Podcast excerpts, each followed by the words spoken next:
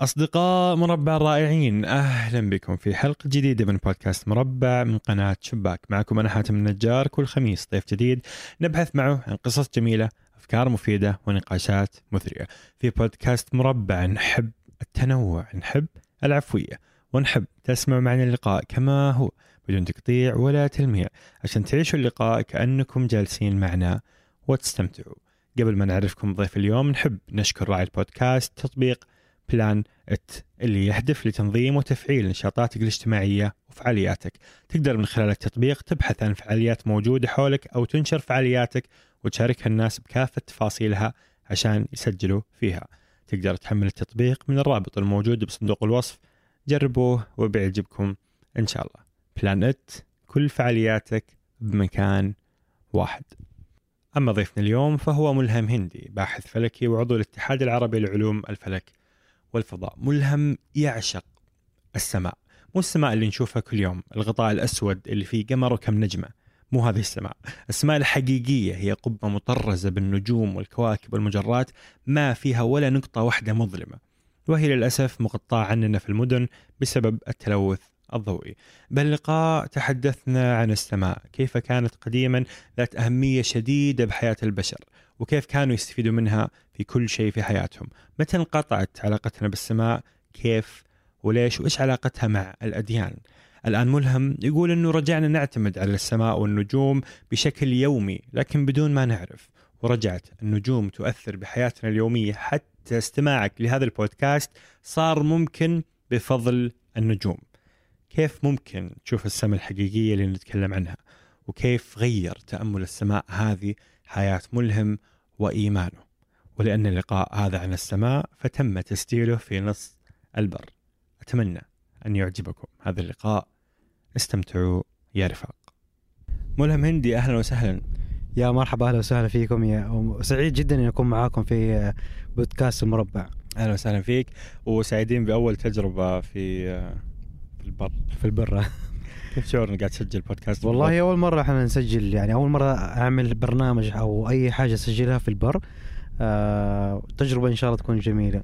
بإذن الله. إحنا غرزنا قبل شوي. أي. آه، ويعني تورطنا شوي. جينا نبغى نشوف النجوم بس الظاهر اليوم في غيوم.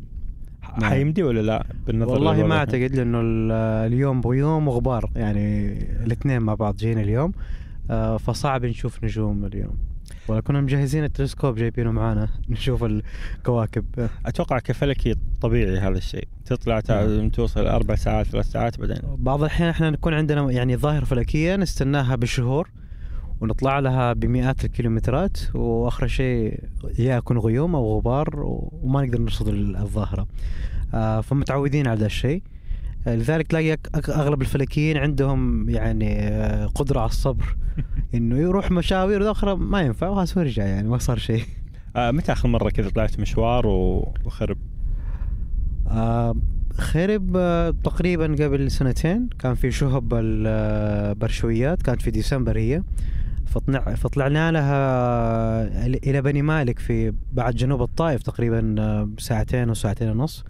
وصلنا هناك كانت ال- السماء كلها غيوم. فجلسنا تقريبا ساعتين نستنى ممكن يا رب إن ال- يعني موضوع الشهب لا بتكون سماء صافية يعني صافية تماما حتى السحب ما ينفع. فما قدرنا ورجعنا تاني مرة على مكة وجدة. عدتوا خايبين. عدنا خايبين ذيك السنة. أس... عد اسمك اسمك جميل. مين اللي اختار الاسم؟ ملهم آه الاسم من اختيار أبويا. آه ما شاء الله. آه طبعا هو الاسم ده منتشر في الشام كثير. وكان صاحب أبويا سوري وكان ولد اسمه ملهم. آه. فسماني على اسم ولد صاحبه. يعني يليق إنه شخص مهتم بالفضاء والفلك يكون اسمه ملهم يعني مصادفة إن جات ملهم وفلك مع بعض. تشعر بالإلهام؟ يعني تحس إنه السماء هذه قبة مليئة بال السماء هي ملهمة لكل شخص. أي شخص يتأمل في السماء آه لابد أنه يحصل على الإلهام يعني. آه لأنه هي ساعات صفاء. آه دائما يعني موضوع الشهب ترى دائما بتلاقيه نتكرر فيه كثير. ليش؟ الشهب ما يبغى له أجهزة يعني ما يبغى له تلسكوبات ما يبغى له آه منطقة يعني فيها ناس أو تجهيزات ما يبغى له كهرباء ولا شيء. يبغى له تجلس في مكان وتطالع في السماء بس. حتى الجوال ممنوع نحن وقت الرصد لأنك أنت لو مسكت الجوال ممكن أنت ضيعت أربع شهب خمسة مم. فما نمسك جوالات أنت منقطع عن ال- عن الناس منقطع عن أي شيء في الحياة بس طالع في النجوم. هنا لحظات تأمل لحظات آه، يعني آه، واحد يجلس مع نفسه كثير. صح إنك بتطالع في السماء بس في الحقيقة أنت بتطالع داخلك يعني. امم جميل. آه خلينا نتكلم عن السماء. يعني أنا قريب جدا فهمت فكرة إنه في آه تلوث ضوئي وفي أشياء ما نشوفها وكذا فخلينا نتكلم عنها مرحلة مرحلة. بداية بعلاقه الإنسان القديم بالسماء. نعم. يمكن في أشياء إحنا ما إحنا متعودين عليها في حياتنا اليومية. كيف كانت علاقة الإنسان القديم بالسماء؟ كيف كان يستخدمها في حياته اليومية؟ لحد زي ما نعرف إنه قديما يعني في كثير من الأشياء ما هي موجودة الآن مثل التمدن والصناعة الإضاءة والكهرباء ذي ما كان فيه. فكان الإنسان من بعد المغرب إلى الفجر الفجر هذه آه، فترة مخصصة للسماء. يعني ما بيشوف شيء في الحياة غير السماء غير السماء والنجوم. لذلك كثير من الحضارات يعني كل الحضارات القديمة ارتبطت ارتباط وثيق بالسماء. سواء بالنجوم بال بالأبراج بالشمس بالقمر. حتى الحضارات القديمة تقويمها إما يعتمد على القمر آه، مثل الإسلام واليهودية وال- والبابلية آه، وفي بعض الحضارات استخدمت الشمس كما كتقويم لها أو تنظيم حياتها. آه، أيضا النجوم كانوا يستخدموها كثير من الأحيان آه، لتقسيم هذه المواسم. يعني الشتاء مو كله شتاء. في بداية الشتاء في بداية أمطار في بداية آه، نهاية الشتاء في الصيف بداية الزراعة بداية الحصاد. آه، فالنجوم كانت هي الوسيلة لتقسيم هذه المواسم وتقسيم آه، حياة الإنسان نظمها. يعني حتى آه، حتلاقي ال- الحضارات القديمة آه، بداية السنة تبعها معتمدة على نجم معين. لأنه هذا النجم لو طلع معناها فترة حصاد. معناها في آه، يعني ال- دخل الدولة أو بداية ميزانية للدولة.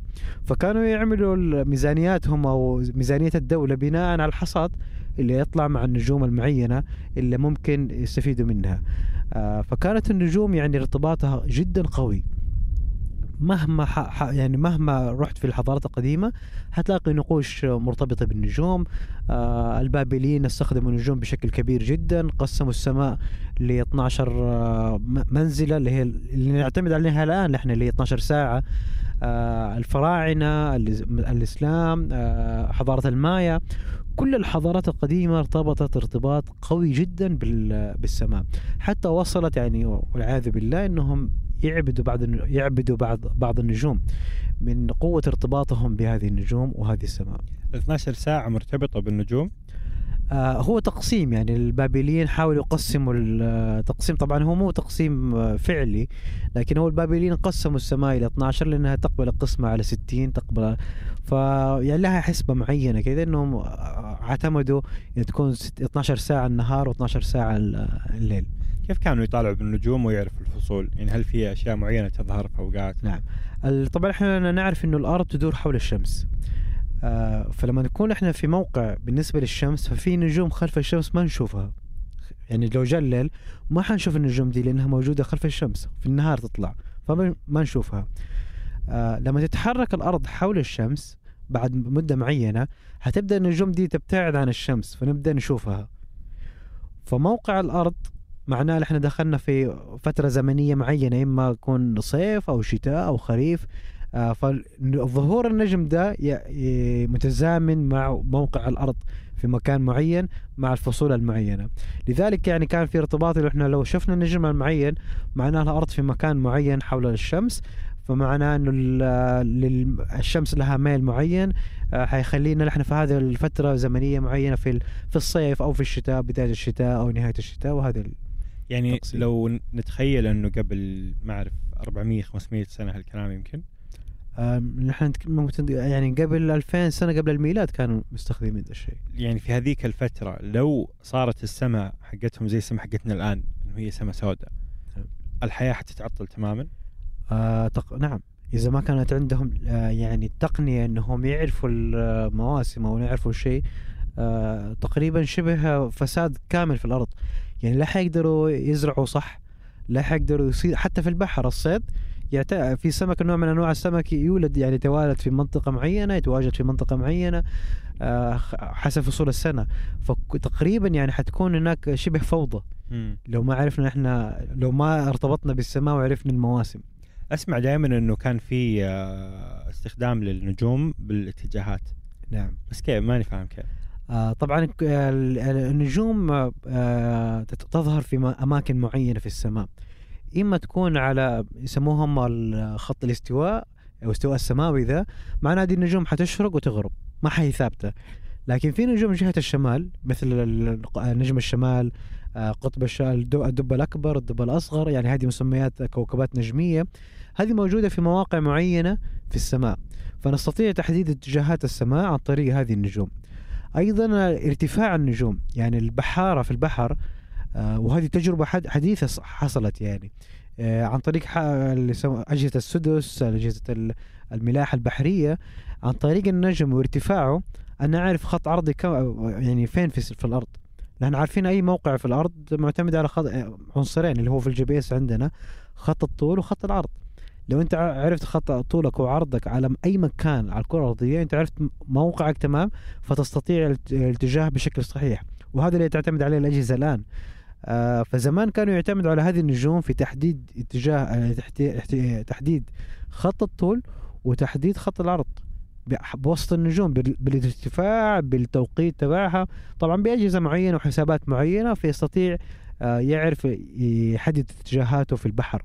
في البحر انت عارف ما في شيء يعني ما في علامة انك ممكن تقول الشمس غربت هنا وبعد شوية حأعرف ما في علامات. فكانت النجوم هي الوسيلة الوحيدة انك تمشي صح في البحر. مم. آه، يخوف ما أدري. الحين طلعاتكم اللي في البر ما يعني ما أدري أحس إنه مخيف. أنا ماني متعود على البر بس كذا أحس باينك شوية. إي أنا شوي متوتر حاليا لأنه أول شيء ماني متعود على طلعات البر. آه ثاني شيء أحس إننا جالسين وفي كذا حولنا يعني ممكن يجي أي شيء من أي مكان يعني. نعم. فكيف تتعامل مع الخوف هذا في طلعات آه، في البداية يعني ال- لا يعني لابد الإنسان خاصة الإنسان المتعود على التمدن على المدن آه، لو فجأة خرج كذا يحس برهبة وخوف يعني. آه، لكن خلاص مع التعود يعني. بعض الأحيان يعني في مرة كنت برصد شهب آه، في منطقة فالله يعزك بسمع صوت كلاب. آه، صوتها بعيد. بس أنا يعني بقول طنش وصور وما عليك في الأشياء دي. وارصد أنت خليك برترصد فشوي بيقربوا يقربوا. فقلت خلينا نركب السيارة وأولع الأنوار أشوف دي في فين دي موجودة. فلقيت أكثر من 15 كلب محاوطيني حولاني. الله وأنت لحالك. لحالي. فسبت الكاميرا وسبت الأجهزة وركبت السيارة وشغلت السيارة وحاولت إني إيش أضغط بوري يعني حركت السيارة شوي إنهم يبعدوا عني. فشوي شوي بدأوا يبعدوا يعني. فكانت يعني هذيك اللحظات ال- يعني لو جيت شوية ممكن كانوا هجموا علي. خلاص عاد. يعني إيش إيش في إجراءات سلامة شيء تطلع معك سلاح؟ ولا أنا قاعد أضخم الموضوع لأنه أول مرة أطلع؟ هو لو يعني في أماكن لو كنت بعيد شوية مرة بناخذ معانا أسلحة آه، شخصية طبعا مرخصة يعني كل شيء ماشي سليم. آه، لكن لو كنا قريبين من المدن الحمد لله يعني الوضع آمن. آه، يعني في الم... آه، يعني. يعني هذه ترى ميزة يحسدون عليها كثير من الدول إنك أنت تخرج في البر من غير ولا شيء وتجلس وتسوي آه، يعني إحنا جالسين الآن في البر وما حد بيتعرض لنا ولا شيء. آه، هذه ميزة إن شاء الله يعني أمن وأمان في المملكة العربية السعودية يعني نحسد عليها ونغبط عليها والحمد لله عليها. آه، لذلك أنا بطلع في أماكن كثيرة نادر ما أشيل معي سلاح لكن حاسس بالأمن. يعني آخر أنا طلعت برصد احد المذنبات آه، دخلت في الصحراء غر- غرت علي السياره اتصلت بال آه، 911 الحمد لله جو استجابوا معايا وخرجوني من المنطقة وأمنوني. يعني تحس بشعور الأمان ما ماني خايف يعني. وانت شفت الآن إحنا دخلنا وأنا ماشي بالسيارة وأنت ماشي ورا- ورايا وداخلين وم- ماني خايف. لا سمح الله لو صار أي شيء اتصال بالجهات المختصة بيساعدوك. الحمد لله الله. يديم الأمن والأمان علينا جميعا. آه انقطعت علاقتنا في السماء قبل مئات السنوات نعم. من السنين فجاه كان هذا الانقطاع جزء منه فكري وجزء منه تقني تقريبا. إيش اللي صار؟ نعم طبعا تطور العلوم ال- تطور علوم الفلك آه، جعلنا نحن نقدر نحسب آه، ظهور الكواكب القمر والشمس الكسوف والخسوف. هذه أحدا- أحداث مستقبلية. آه، في ذاك العصر كان صعب على الإنسان خاصة لو كان أمي وكان تعليمه قليل إنه أنت تخبره بحدث حيحصل في المستقبل يعتبره نوع من التنجيم. آه وهذا ليس فقط يعني على آه، ناس كثير حسبوا بس إنه صدام بين الإسلام وعلم الفلك. لا هذا حتى في الغرب يعني. علماء كثير من بدأوا إرهاصات العلوم الفلكية في أوروبا وحاربتهم الكنيسة ب آه، يعني بدافع ديني. آه وهذا حصل أيضا في الإسلام. يعني لما آه، بعض المنجمين استخدموا آه، علم الفلك كغطاء لهم إنهم يتغلغلوا في داخل الد- الدول يستخدمون بعض ال- الزعماء أو قادة الدول. يعني كثير من الخلفاء مو نقول خلفاء نقول إحنا نقول آه، رؤساء الدول ال- يعني أو زعماء الدول الإسلامية كانوا يقربوا منهم المنجمين آه، لأسباب عقدية لأسباب آه، هذه هنا صار في خلخلة بين يعني علم الفلك الحقيقي اللي يرتبط بالإنسان وبين هذه ال- ال- المشوشات اللي جات على علم الفلك. فحصل هناك انقطاع يعني فكري بدايته الفكري إنه انقطعت العلوم صار اللي بيعمل هذه العلوم خايف. حتى لو في أوروبا كانوا خايفين في المسلمين كانوا خايفين.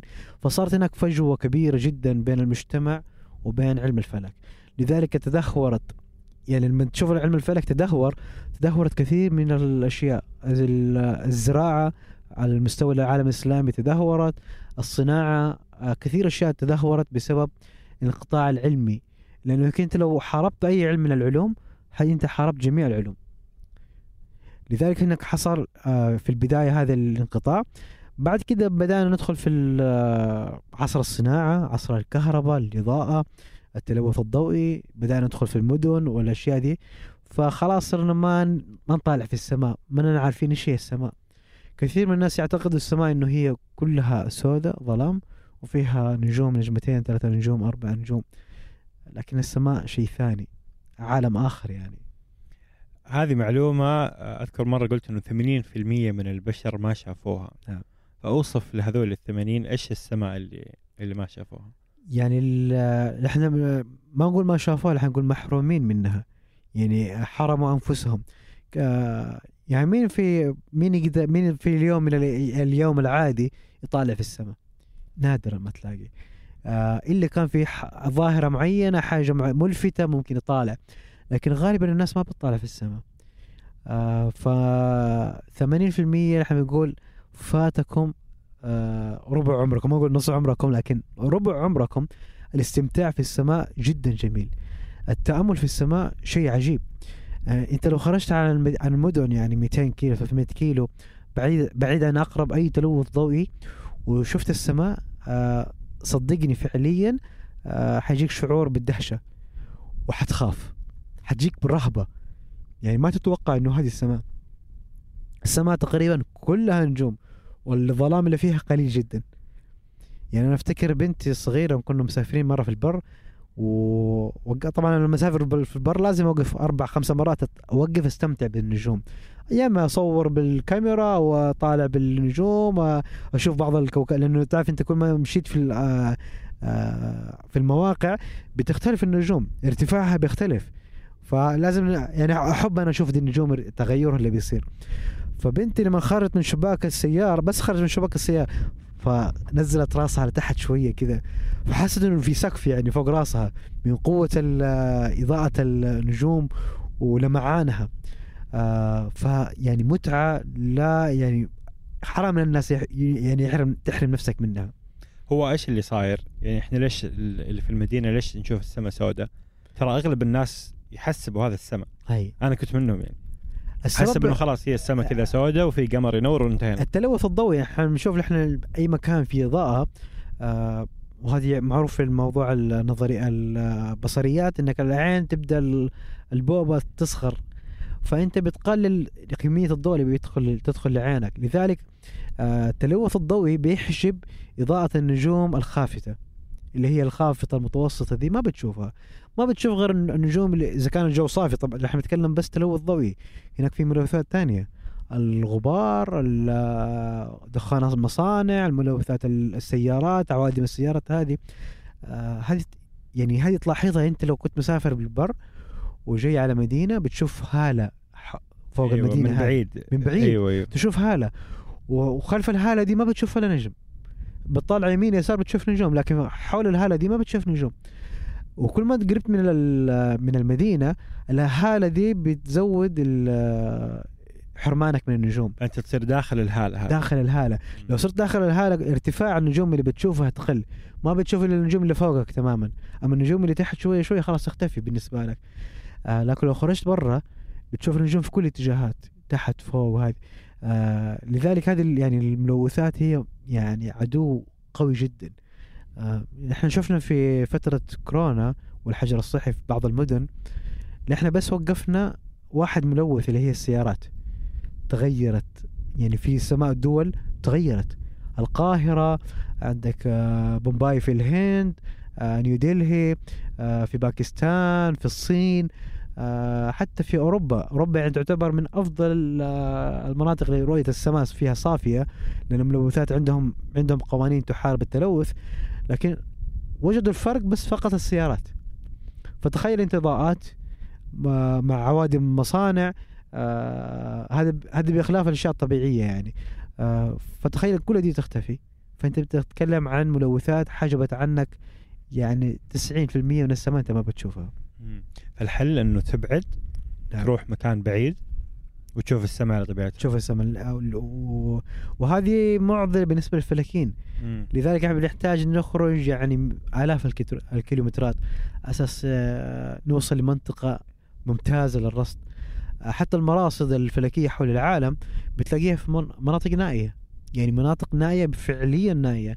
أشهر ال- المراصد اللي هي في هاواي على ارتفاع 3000 كيلومتر فوق الجبال أقرب مدينة 400 كيلو. يعني أنت لو احتجت حاجة بسيطة احتجت بسيط ما حتلاقي.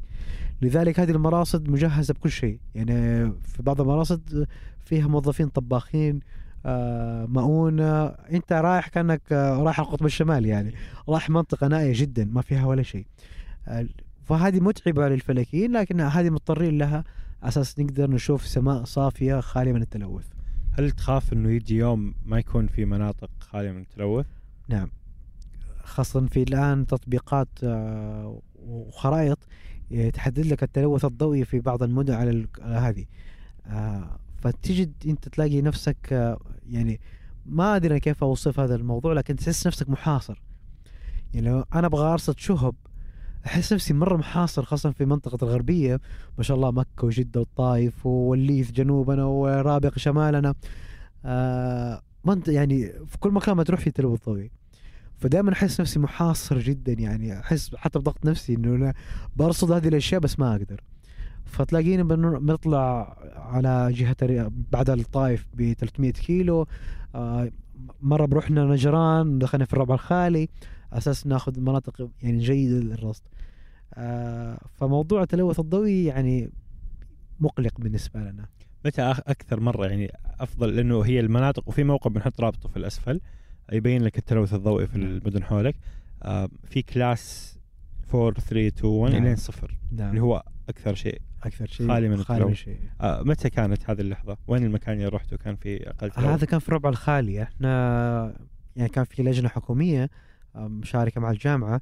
آه، فوصلنا لنجران ومن نجران أخذت تقريبا 250 كيلو آه، في وسط الصحراء الربع الخالي. يعني مو طريق ممهد. 250 كيلو إحنا ماشيين في الصحراء تماما فعليا. فوصلنا منطقة آه، يعني كيف نعرف إحنا منطقة آه، يعني بيور خلاص 100 100 على الفلكين؟ إذا شفنا النجوم تبدأ تشرق. يعني طبعا ال- النجوم زي الشمس القمر تشرق وتغرب خلال اليوم. فالنجوم تشرق وتبدأ تغرب يعني بعد 12 12 ساعة تغرب. فالنجم إذا شفته أنت على الأفق تماما معناه أنت في منطقة هذه 100 100 يعني أنت وصلت منطقة أفضل منطقة ممكن تجلس عليها وترصد فيها أرصاد ممتازة. إنه ما في حتى تلوث من من الأطراف. أيوة. حتى التلوث الطبيعي اللي هو يسموه القطر اللي هو على الأفق ده آه يعني ما في غبار ما في رطوبة ما في شيء فأنت وصلت منطقة 100% يعني تمام فكان هذا المنطقة يعني أفضل مكان إنك تروح في الربع الخالي يكون فيه جفاف وسماء صافية الشخص العادي اللي يبغى يشوف السماء الحقيقية وما قد شافه قاعد يسمع الحين يحس إنه فاته ربع عمره على أي. قولك إيش يقدر يسوي؟ من الموقع يشوف المناطق اللي نعم. class كم 3 يعني نحن التو يعني إذا كنت بتشوف شيء جدا جميل أنا نحن نتكلم من class 2 ل zero طبعا zero صعب تلاقي في الشرق الأوسط. لكن إحنا نتكلم من واحد لاثنين كويسة يعني. آه في دحين المشاريع الجديدة اللي في شمال المملكة جهة نيوم والبحر الأحمر آه والعلا. آه يعني هذيك مناطق سياحة نجوم. أنا أتمنى تكون هناك في منطقة آه يعني في بعض الماء زي سلطنة عمان عملوا محمية النجوم. أعتقد 35 كيلو 54 كيلو قطر ما في أي ملوث ضوئي. يعني فعاملين زي محمية النجوم. آه يعني ممكن إحنا نعمل مشاريع ومدن وفيها إضاءة لكن إضاءة موجهة. إضاءة ما تسوي تلوث ضوئي ما تعمل لك الهالة. آه نساعد على تقليل تلوث السماء. فمناطق النيوم والبحر الأحمر وعلا والعلا دي من أفضل المناطق في المملكة اللي تشوف فيها النجوم بشكل جميل جدا. حماس. لازم كلكم تشوفوا النجوم يا أخوان. هذا واحد من أهداف هذا اللقاء إنكم تشوفوا النجوم. آه بعد ما انقطعت علاقتنا بالنجوم ك... كجنس بشري بدأت ترجع ولكن بطرق شوية مختلفة. كيف رجعت علاقتنا بالسماء؟ آه علاقتنا بالسماء بدأت باحتياجنا في البداية ثانيا اللي هو صناعة الفضاء. نحن كلنا نعرف آه صناعة الفضاء بدأ آه بداية عسكرية. آه السوفيت وأمريكا كل واحد يبغى يهيمن على الفضاء في فترة الحرب الباردة. آه لذلك إنه أنت ترسل صواريخ من الأرض للأرض هذه فيزياء. لكن إنك تعمل مدار جرم يعني قمر صناعي حول كوكب الأرض أنت مجبر إنك على الاحتياج الحسابات الفلكية. هنا بدأ يعني طبعا بداية بداية الفلك قبلها بكثير لكن هنا بدأت الطفرة. بدأت ارتباطنا كان وثيق جدا بالفضاء للاحتياج. فجعلنا نحن نتجه إلى الفلك الحسابات الفلكية نعمل الأرصاد غير الأرصاد هذه كلها. هي اللي ساعدتنا إنه نرجع مرة مرة أخرى للسماء والتعرف على السماء. لكن عودتنا ورجوعنا لهذه كانت رجوع صناعي. ما هو بشري أو على مستوى المجتمعات.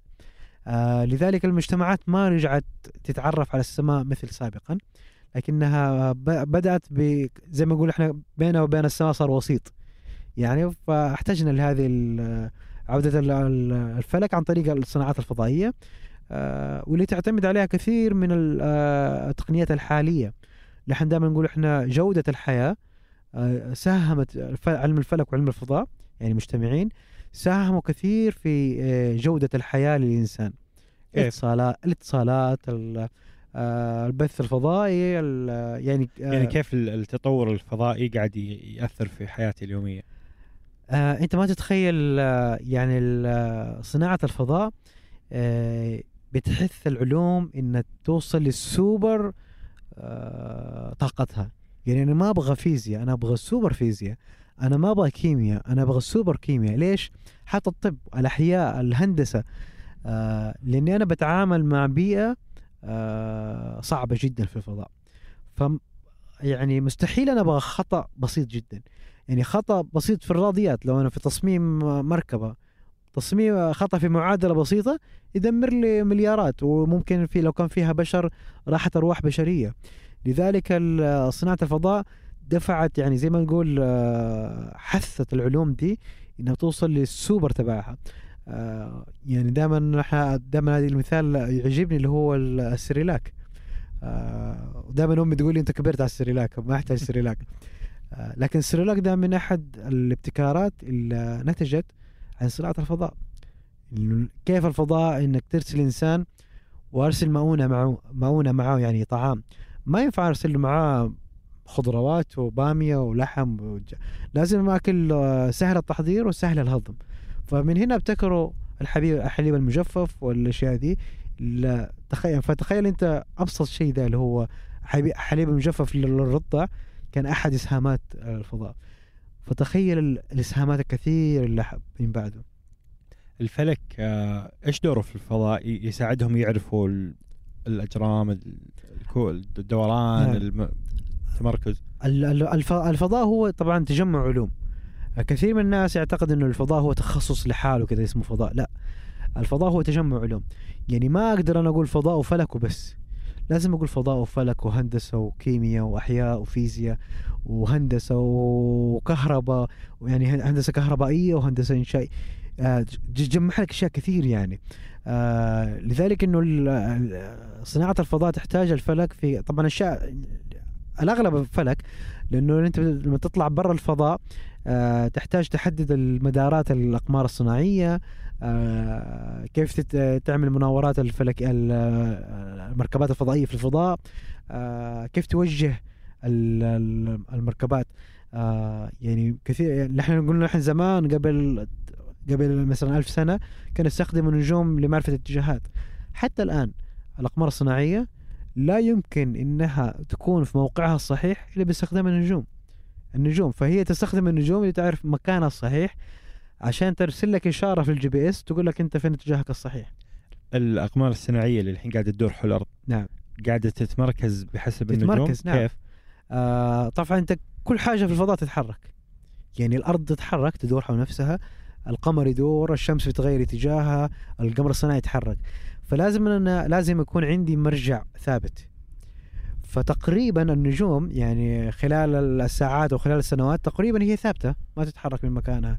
فهي مرجع جيد إنه أنا أمركز القمر الصناعي في موقعه الصحيح لذلك يعمل حاجة يسموها الكاميرات الملاحة. آه يبرمجوا القمر الصناعي إنه لابد إنه النجوم تكون في الفيل تبعك. هذه. شكل النجوم هذه موقعها المعينه فالكاميرا تصور. إذا النجوم ما تطابقت مع اللوحة اللي عنده والفيلد اللي عنده معناه أنت خرجت عن المسار. فإما يكون في برنامج يص- يصحح مساره ويرجع للمسار الصحيح أو يرسل إشارة للمركز التحكم على الأرض ويصححه مساره من جديد. يعني إلى الآن قاعدين لما أشغل Google Maps في جوالي أيوه. هو مربوط بقمر صناعي مربوط بالق... بالقمر الحقيقي. مربوط بالنجوم. آه بالنجوم. أيوه طبعا ال GPS أقل شيء ثلاثة أقمار صناعية. يعني أنت اللي تستخدم ال GPS؟ إيوه. أقل شيء عشان يحدد موقعك بدقة ثلاث أقمار صناعية. ثلاث أقمار صناعية دي تحتاج آه تكون مرجعها نجم عشان تكون موقعها صحيح. فأنت فعليا آه بتستخدم النجوم لكن بواسطة بينك وبينها عشان كذا إحنا انقطعت علاقتنا بالنجوم بسبب الواسطة اللي بيننا وبينها. حماس. كحياة يومية كفلكي كيف يعني إيش أثر الفلك في حياتك اليومية؟ غير إنك قاعد تطلع وتدور وكذا عن. ترصد وتصور. آه نظرتي للحياة للحياة تغيرت. آه أنت لما تعرف إنك أنت عايش على كوكب هو الوحيد اللي يستضيفك يعني هو الوحيد اللي مرحب فيك. آه الوحيد اللي ممكن تعيش عليه. كل الفضاء اللي حولك كل الكواكب معدومة الحياة. آه إذا ما حافظنا على الكوكب كوكب الأرض اللي هو يستضيفنا بنفس طبيعته اللي يجلس عليها فإحنا لا شك حنتحول لكوكب مميت. آه جعلتني يعني نظرتي للبيئة تتغير. آه يعني أنا كنت آه، فضاء ودحين عندي هواية الز- الزراعة النباتات والأشياء دي ليش؟ لأنه النبات هو أهم شيء في الحياة. يعني إحنا بنرسل ترى مسابير وبنشوف بالتلسكوبات مليارات الكيلومترات أساس نبغى نشوف بكتيريا عايشة. ما ما نبغى إنسان عايش ما نبغى حياة. ذكية. إيه نبغى بس نبغى علامة ودليل إنه كانت في بكتيريا حتى لو ماتت مو مشكلة بس نبغى علامة إنه كانت في بكتيريا عشان نعرف إنه فيها حياة ولا ما في حياة. فتخيل يعني وصل لدرجة إنك أنت آه على كوكب الأرض بتدور على آه مكان للحياة. فعليا أنت ما, ما عندك مكان ثاني. كلنا ما عندنا مكان ثاني. كل الأشياء اللي بنسويها في حياتنا دي آه، على كوكب صغير جدا. إذا ما حافظنا عليه كلنا حيضيع مننا. دينيا آه هذا يمكن يعني منطقة شوي حساسة بس الشخص يت- يهتم في العلوم الطبيعية خصوصا الأشياء اللي فيها الفلك والقوانين الفيزيائية والكواكب وكذا في طريقين. في ناس يزيد إيمان إيمانهم بشكل كبير وفي ناس آه، يلحد. يقول لك إحنا أنا نطفة على جرم سماوي صغير ضايع في مجموعة نعم. مجرات سماوية ك- كاملة وبلاك هولز وزحمة فأنا ولا شيء فيصير عدمي أنت شخصيا كيف كانت تجربتك؟ آه، طبعا آه، تجربتي إنه علم الفلك آه، جعلني أعيد نظرتي آه، في الكون في السماء في رؤيته آه، كلنا نحن يعني تربينا مسلمين ونعرف قدرة الله سبحانه وتعالى آه، لكن في في مواقع معينة مثلا عندك الكسوف والخسوف. يعني آية يخيف بها الله عباده آه، زمان كانوا يخافوا لأنه كان عندهم جهل بهذه الظاهرة. هل هي حصلت؟ آه، بشكل يعني ما هم عارفين تفسير هذه الظاهرة فكانوا يخافوا إنه فجأة الشمس اختفت أو القمر بدر وفجأة اختفى. فكان عندهم رهبة إنه هذه حدث آه، غريب ويخوفهم. بعد كذا بعد ما عرفوا الناس الطريقة خفت هذه الرهبة حتى اختفت. أنا فعليا يعني قبل دراسة الفلك آه، كسوف وخسوف درست إنه آية خوف الله عباده لكن ما استشعرت الخوف ال... إنه أنا عارف كيف بتصير. لكن في آه، بعد دراستي علم الفلك وفي كان عندنا كورس إنك تحسب الكسوف القادم متى يحصل. ونحن حساباتنا نحسبها بدقة بالثانية. يعني نقول في الثانية الفلانية يبدأ الكسوف. أنا لما كتبت الثانية. يعني متوقع إنه هذه غلط يعني ما حتجي صح بالثانية حتبدأ. أكيد في غلط تبدأ بالدقيقة بعدها بدقيقة قبلها بدقيقة. لما حطيت التلسكوب وأنا برصد الكسوف في التلسكوب طبعا تشوف أنت أول لحظة يبدأ فيه الكسوف مو زي العين. العين تبدأ بغالك 10 دقائق خمس دقائق عشان تشوف بداية الكسوف. في التلسكوب تشوف أنت أول ثانية بدأ فيها. فلما أول ثانية بدأ طلعت في الساعة نفس الحسابات. مو أنا يعني مو أنا اللي ما شاء الله مرة ممتاز ومرة عبقري. لا تخيل أنت قدرة الله سبحانه وتعالى إنه حرك هذه الأجرام السماوية بالدقة بالثانية. يعني الفلك ترى هو حسب آه، فسر حركات طبيعية. بس يعني ما اخترع شيء جديد ما سوى شيء جديد ما ما هو قدرة خارقة القدرة الخارقة في خلقة الله سبحانه وتعالى لهذه الأجرام. آه يعني ما أقدر يعني هذه اللحظة كل ما أتذكرها وأتذكر ذاك اليوم عيوني تدمع. لكن أنت خشية أنه قدرة الله سبحانه وتعالى كانت عظيمة جدا. تستشعر أنت أنت نحن ولا شيء بالنسبة للشمس والقمر وال... والأرض وللكون ده كله. وهذا كله الله سبحانه وتعالى هو اللي خلقهم وهذه قدرته. هنا تستشعر القوة والرهبة لذلك ال- اللي يبدأ في دراسة علم الفلك آه، إن بدأ بالأساسيات و- وبدأ يس- يعني يبدأ يسوي نفسه هو عا- عالم وعارف كل حاجة حيتجه للإلحاد ليش؟ لأنه حيبدأ يفسر كل شيء بالقوانين. آه هذا نتيجة آه النجم ده نتيجة سديم وسديم نتيجة انفجار سوبر نوفا. آه بردت ال- السحابة وصارت الكواكب هذه تسلسل يصير له. لكن إذا أنت درست كيف السديم يدور حول نفسه؟ كيف عناصر السديم تتكون؟ كيف تتجاذب؟ هنا تبدأ أنت. مستحيل هذه تصير إلا لها خالق سبحانه وتعالى. لازم لها مهندس لازم لها مدبر لهذه الأشياء. آه لذلك اللي يتعمق في علم الفلك حيوصل لإيمان تام إنه في خالق. مم. تماما. الفريق ال- الآخر اللي يحس إنه في كذا إنه ملك الدنيا خلاص هو فهم كل شيء. حتى على قولك حتى على سالفة إنه صار انفجار عظيم وكذا. وفي السؤال هذا حق طيب كيف صار الانفجار العظيم؟ طيب مين اللي سوى الانفجار نعم. العظيم؟ وهكذا. هل في نقاشات داخلية تدور عندكم في في التخصص والمهتمين؟ آه على مستوى العالم فيه يعني آه علم الفلك مثله مثل كل العلوم. فيها المؤمن آه بوجود الله سبحانه وتعالى فيها الملحد آه فيها اللي يعت- يعتمد على يعني ياخذ له كذا ولا هو كذا ما أنت داري. هو هو مؤمن ولا ما هو مؤمن ما تدري. آه لكن المفيد إنك أنت تستفيد من الجميع. آه مستحيل أنا أرفض علم من شخص لأنه ملحد. إذا كان علمه هذا آه، حقيقي آه، معادلاته مطبقة آه، فناخذ مع معادلاته دي وأخذ العلم ده بإيماني بإيمان بوجود المسير لهذه الأجرام. يعني لو كان الناس لو كان المسلمين قالوا والله الكسوف الخسوف ده أمر الله سبحانه وتعالى وما نبغى نعرف كيف صار ما نبغى نحسب. ولا نعرف كيف الهلال يطلع ولا كيف تتحرك النجوم.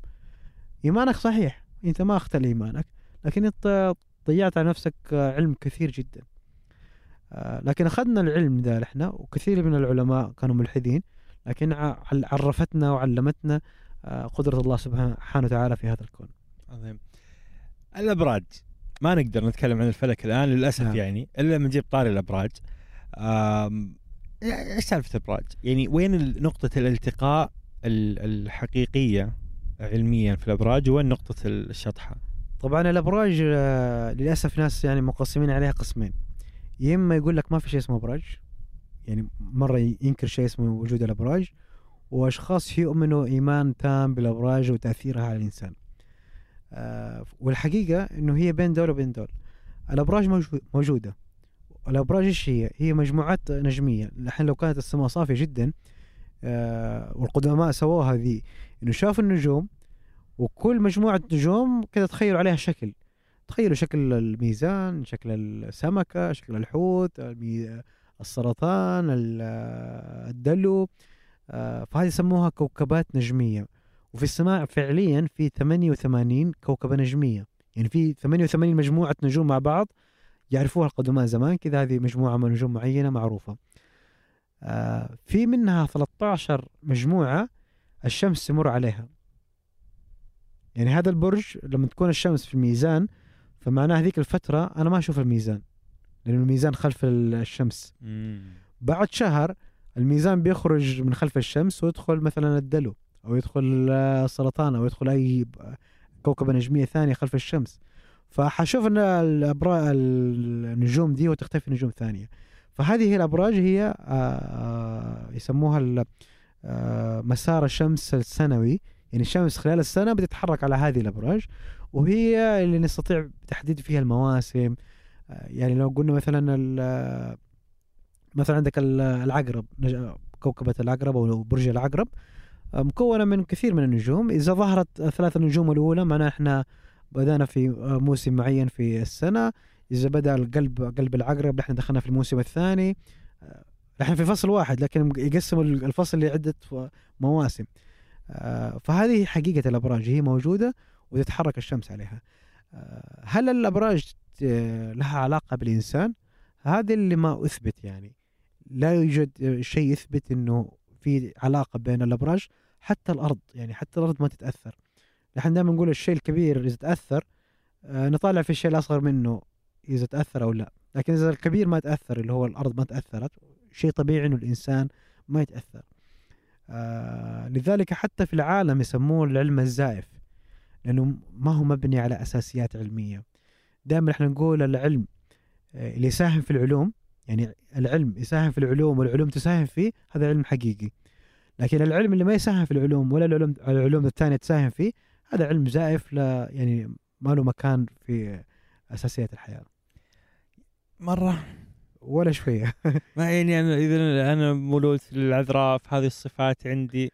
آه كثير من الناس يعني يحاولوا آه، يخرجوا من الموضوع. طبعا هي الأبراج هي مبنية على تنجيم علوم التنجيم. ال- علوم المستقبل وكذا. فهو البرج موجود. إنه نعم. اللي انولد في تاريخ 1 سبتمبر أيوة. مثلا هو انولد في هذا البرج. إيه بس أنت لاحظت اني قلت أنا الشمس تمر على 13 برج. آه المنجمين خلاها 12 برج. عشان تمشي. عشان تمشي عشان السنة تصير. وقسموا الشو الأبراج كلها 29 30 يوم عشان تتظبط معاهم. آه. لحظة لكن لحظة هذه معلومة مهمة. الحين الأبراج الفلكية المعتمدة 13 برج. 13 برج. وكيف محاذاتهم مع السنة؟ لأنه حيجي شهر زايد كل سنة. ما لهم دخل في السنة. لا ما هي ما هي 30 يوم. في بعض الأبراج 6 أيام. آه. في بعضها 35 يوم. حسب مساحة الب... يعني النجوم دي الكوكبة النجمية اللي في السماء كم مساحتها في السماء؟ الشمس قديش حتقطع في هذه الكوكبة النجمية؟ كم يوم حتمشي؟ حلو. فلما جو المنجمين أو المهتمين بعلم الأبراج أيوة. الزائف أنا آسف آه قلت بعدل لك المنجمين فقلت لك علم زائف آه قالوا أوه إيش هذا؟ ما يزبط. خلينا نغير اللعبة. فهي خ- خلوها هو يعني آه، آه، فيها خلطة بين ال- الأبراج. وق- وقديما زي عندك التقاويم الآن. يقول لك بدل ما أخلي البرج ستة أيام خليه 30 يوم على أساس أقدر أعمل ال- الرواتب للناس والدولة. وشؤون الدولة قديما يعني هذه قبل أيام البابليين وكذا. فالأبراج المنجمين اعتمدوا على هذا الشيء وكملوه. فتلاقي دحين لو لو ننشر إحنا الجدول الحقيقي للأبراج حتلاقي نفسك انت مو في البرج اللي انت كنت تحسب نفسك فيه. حتلاقي طب أنا حنون. آه. هذه ترى أنا مو حنون. آه، هذه ال- الصفات هي اللي يمشوها على الناس. أيوه لو قريت انت صفات الأبراج حيقول لك انت حنون آه جميل آه ذكي لا أحب الكذب. نبيه لا أحب الكذب أشياء حلوة. فتقول إيه والله صح أنا بس يعني. أنا عنيد. ها؟ أنا عنيد. آه، ترى في ناس يحب في ناس يعتبروا الع- العناد يعني شيء جميل يعني. إيوه. والله إنها شخصية يعني. آه لكن ما تلاقي واحد يقول لك والله هذا البرج كريه هذا البرج كذاب. ما تلاقي هذه الصفات موجودة لأنه عارفين الناس حينفروا منهم. آه لذلك يختاروا هم الأشياء الجميلة يعني يحطوها. مم. يعني لا حد يزعل. أدري إنه كثير من الناس اللي تسمع الآن مؤمنين في الأبراج لا حد يزعل ويتحسس وكذا بس يعني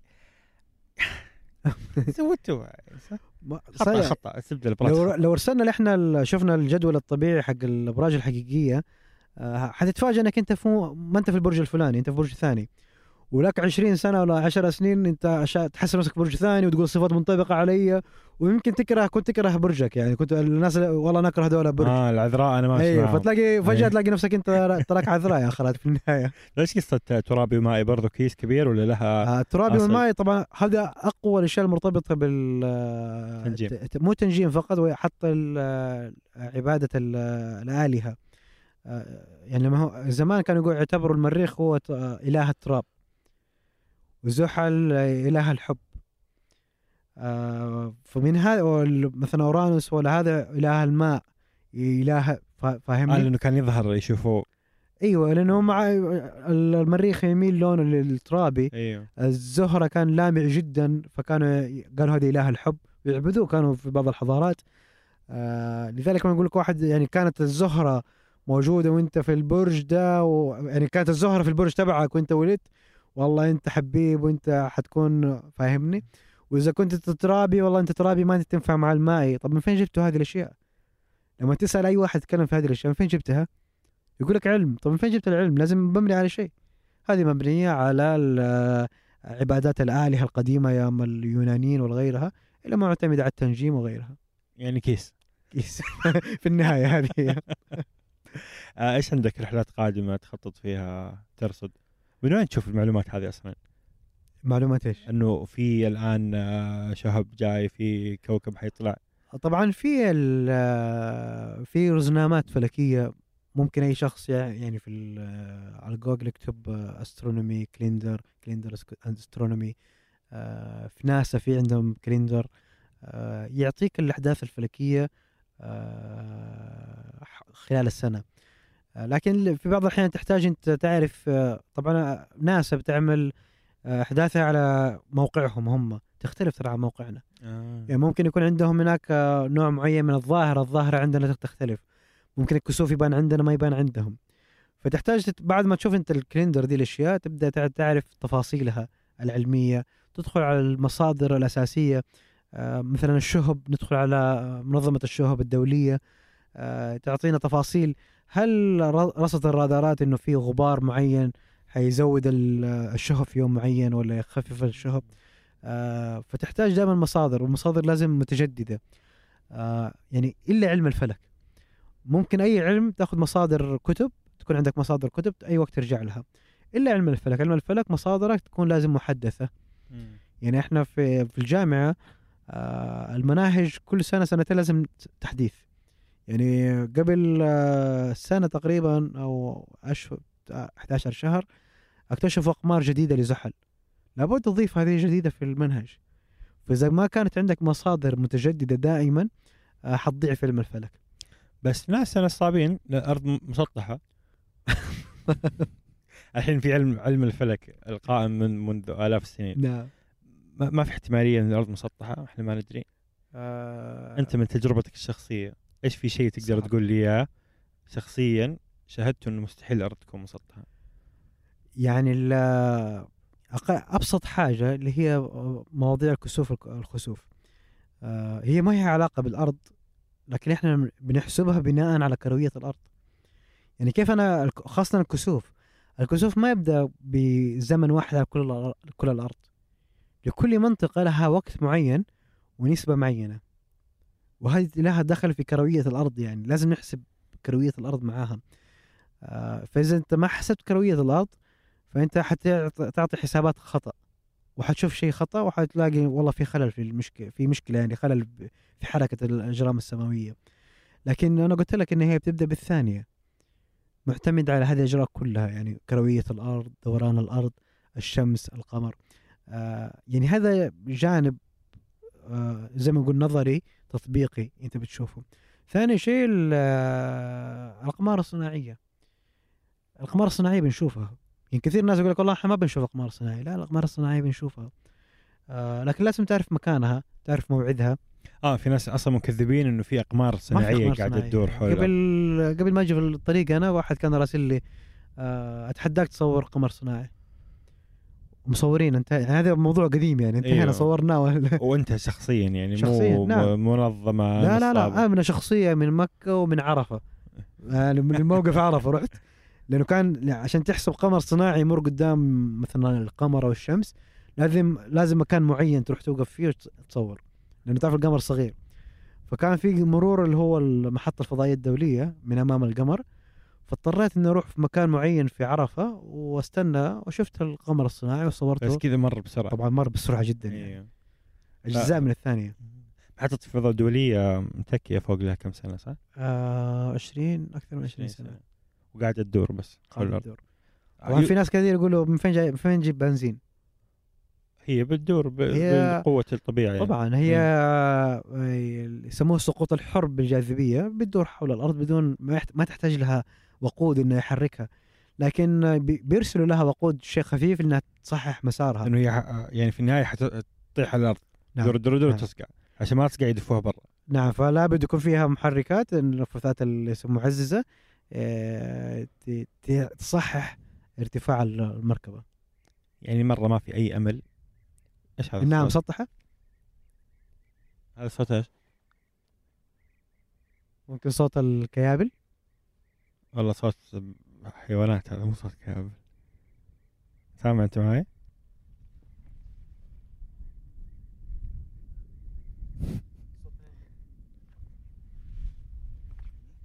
ترى إحنا قاعد نكمل التسجيل ترى ها؟ ما حنوقف. خلاص. آه طيور. أكيد. بس طيور. إحنا في منطقة جنب آه، الشعيبة فهذه منطقة معروف بالطيور المهاجرة. ف بعض الأحيان شفت هذه في هذه المناطق من نعامة. مو نعامة نعامة؟ عفواً، آه، بومة بومة حجمها كبير يمكن نص متر في الطريق شفتها. أنا كنت ماشي في الخلا كذا وشفتها في وجهي. الله. طبعا وقفت. رجعت ريوس يعني ما, ما كملت. هي طارت على طول بس إني رجعت ريوس. آه فهذه منطقة يعني مشهورة بالطيور. بالطيور. حتى اللي بيصيدوا طيور بيجوا كثير هنا. ما يعض الطيور صح يعني مرة مرة ما في أمل إن الأرض مش آه، مسطحة. لا صعب يعني. آه ما في دائما اي شخص يقول لي هذا الكلام أقول له أوكي أنا معك الأرض مسطحة اديني واحد دليل يعني دليل. غالبا لو قلت له اديني دليلين ورا بعض حيحصل في تناقض يعني. إذا جاب لك دليل أول بيقول لك لأن الأرض مسطحة صار كذا كذا كذا تقول له الدليل الثاني تلاقي ناقض الدليل الأول. لابد. ما يقدر يعني ما يقدروا آه، يعطوك حاجة كاملة. لا حتى لو جاب الشريعة يقول لك القرآن قال والأرض سطحت. طيب والله سبحانه وتعالى يقول لك والشمس إذا يعني غربت وشرقت يعني هل أنت تقول تدور حول فوق الأرض؟ فتلاقي دائما إنه في تناقضات. يعني لا الأبراج صح ولا الأرض ولا. الصابين. يا أخي قاعد تخرب علينا اليوم. ملهم هندي شكرا جزيلا. كيف الله ال... ال- أنا أحس إنه لقاء ومو لقاء. كذا قاعدين لحالنا ترى إحنا لحالنا ما معنا أحد يعني. آه غريب. لا غريب يعني. إيه. وما شايفين شيء إحنا من النور السيارات اللي آه أيوه. by the way الكشافات سيارات ترى. by the way سيارة علي سيارة علي يعني by the way شكرا جزيلا لك. يا أهلا وسهلا. وودي هذا اللقاء يحمس الناس إنها تطلع وتستكشف السماء أكثر. نعم أنا دائما أدعوهم التعرف على السماء. آه يعني ممكن كلمة آه، أخيرة. خلاص خلاص. آه كثير من الناس يعني يعتقد إنه ما يستطيع رؤية الكواكب. لكن فعليا إحنا بنشوف آه نستطيع رؤية خمسة كواكب. آه وهذه الكواكب بعض الأحيان تكون لامعة جدا وأنت بتشوفها وتحسبها نجوم. لكن تتفاجأ إنها كواكب. باستخدام تلسكوبات متوسطة صغيرة أنت ممكن تشوف آه، حلقات زحل. رؤية حلقات زحل واقمار مشتري آه حتحسسك بشعور غريب. في عالم ثاني في عوالم ثانية حواليك. أنت ما أنت بس آه، القمر القمر ده لو شفت انت التلسكوبات الكبيرة بتشوف ال- السهول آه، ضربات النيزكية الجبال اللي عليه تختلف نظرتك عن القمر. انت لما تشوف القمر بتشوفه م- يعني ما تحس إنه 2 دي يعني آه، مكان 3D. 3 تحسه إيه، 3 دي تحسه يعني ستيكر بس. مجسم. آه إنه ترى ممكن هذا في يوم من الأيام يكون مستقر أو موطن لناس ثانيين. ممكن أنت من هنا الأرض تشوف ناس يعني عايشين في منطقة ثانية. آه فالتعرفوا على السماء. شوفوا السماء. آه دائما أسألوا. دائما آه لا تخلوا شيء يعني يعجزكم. دائما أحب أحب الشخص يكون يعني كيف أقول لك؟ يعني مو ينكر العلوم لكن يحمس إنه يسأل. لا لا تأخذ كل معلومة صحيحة. أنا قلت لا لو جاك متخصص قال لك معلومة أعتبرك مصدر موثوق لكن دور وراء دائما دور وراهم. آه، أنا استفدت كثير من ال- آه، ال- الأرض المسطحة آه، الأبراج آه، الأشياء اللي ما تدخل ما هي في عقلك. يعني لما تدرس أنت مثلا دراسة عادية ما جاب بالك أرض مسطحة. لما واحد يجي يقول لك والله الظاهرة الفلانية أنت عارف إنها تفسيرها لكن تلاقي تلاقي لها تفاصيل انت ما درستها. فتبدأ انت بتبحث عن الأشياء ثانية فتفتح لك أبواب ثانية. فأنا يعني أفتح دائما الباب للمجال للناس يناقشوني لأنه النقاش يثري الجميع. أنا بستفيد من الناس من آرائهم من وجهات نظرهم. ممكن أنت قلت حاجة أنا ما انت عمري ما انتبهت لها ولا قري ممكن قريتها ومشت معايا. آه، لكن لما أنت قلت لي إياها أنا والله فكرة يعني فكرة بحث جديد أو فكرة كلام جديد. آه، يعني أنا أفتكر الله يرحمه دائما أحب أذكره الدكتور حسن باصره آه، هو معلمي. آه، استمرينا مع 15 سنة في قسم الفلك. ما في سؤال ما, نقول لي سؤالي هذا سؤال مثلا يعني غبي ولا سؤال ما ينفع يتسأل. كل سؤال روح أبحث روح أبحث. واحد تخيل سؤاله إيش؟ هل صلاة الظهر في وسط النهار أو لا؟ بس. الجواب الطبيعي نعم. بس الدكتور قال لا. روح احسبوا لي سنة كاملة آه، صلاة الظهر بالضبط متى تكون؟ واقسموها على ساعات النهار. فاكتشفنا شيء تاني إنه طول النهار طول اليوم طبعا مو اكتشاف لكن فتح لنا باب إنه طول اليوم ما هو ثابت. كيف؟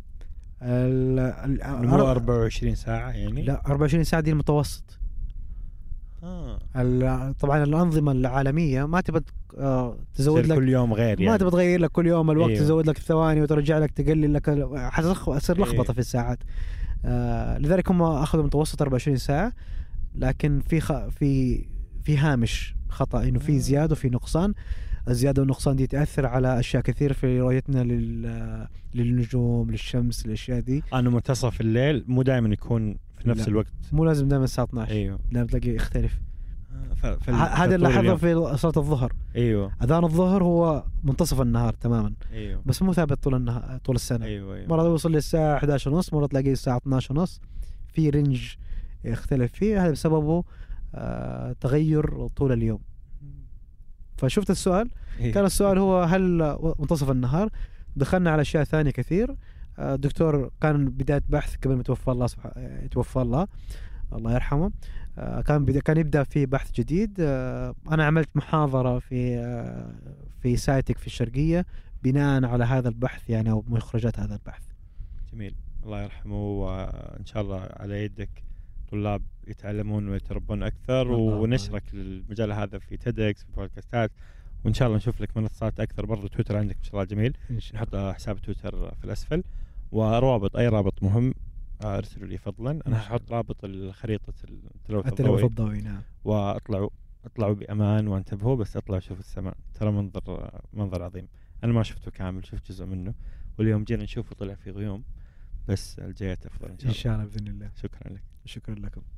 أصدقاء مربع الرائعين شكرا لاستماعكم كامل اللقاء. أتمنى أنكم كنتوا جالسين معنا في البر وعرفتوا أكثر عن السماء وبديتوا تفكروا بخطة جدية لطلعة جميلة تشوفون فيها السماء الحقيقية وتتأملون عظمة خلق الله فيها. شاركوا اللقاء لصديق إذا أعجبكم ولا تنسوا تقييم البودكاست في آيتونز. ترى جدا يفيدنا. الحين الحين خلصت الحلقة روح قيم اللقاء لو سمحت. وإلى أن نلقاكم الخميس المقبل بإذن الله.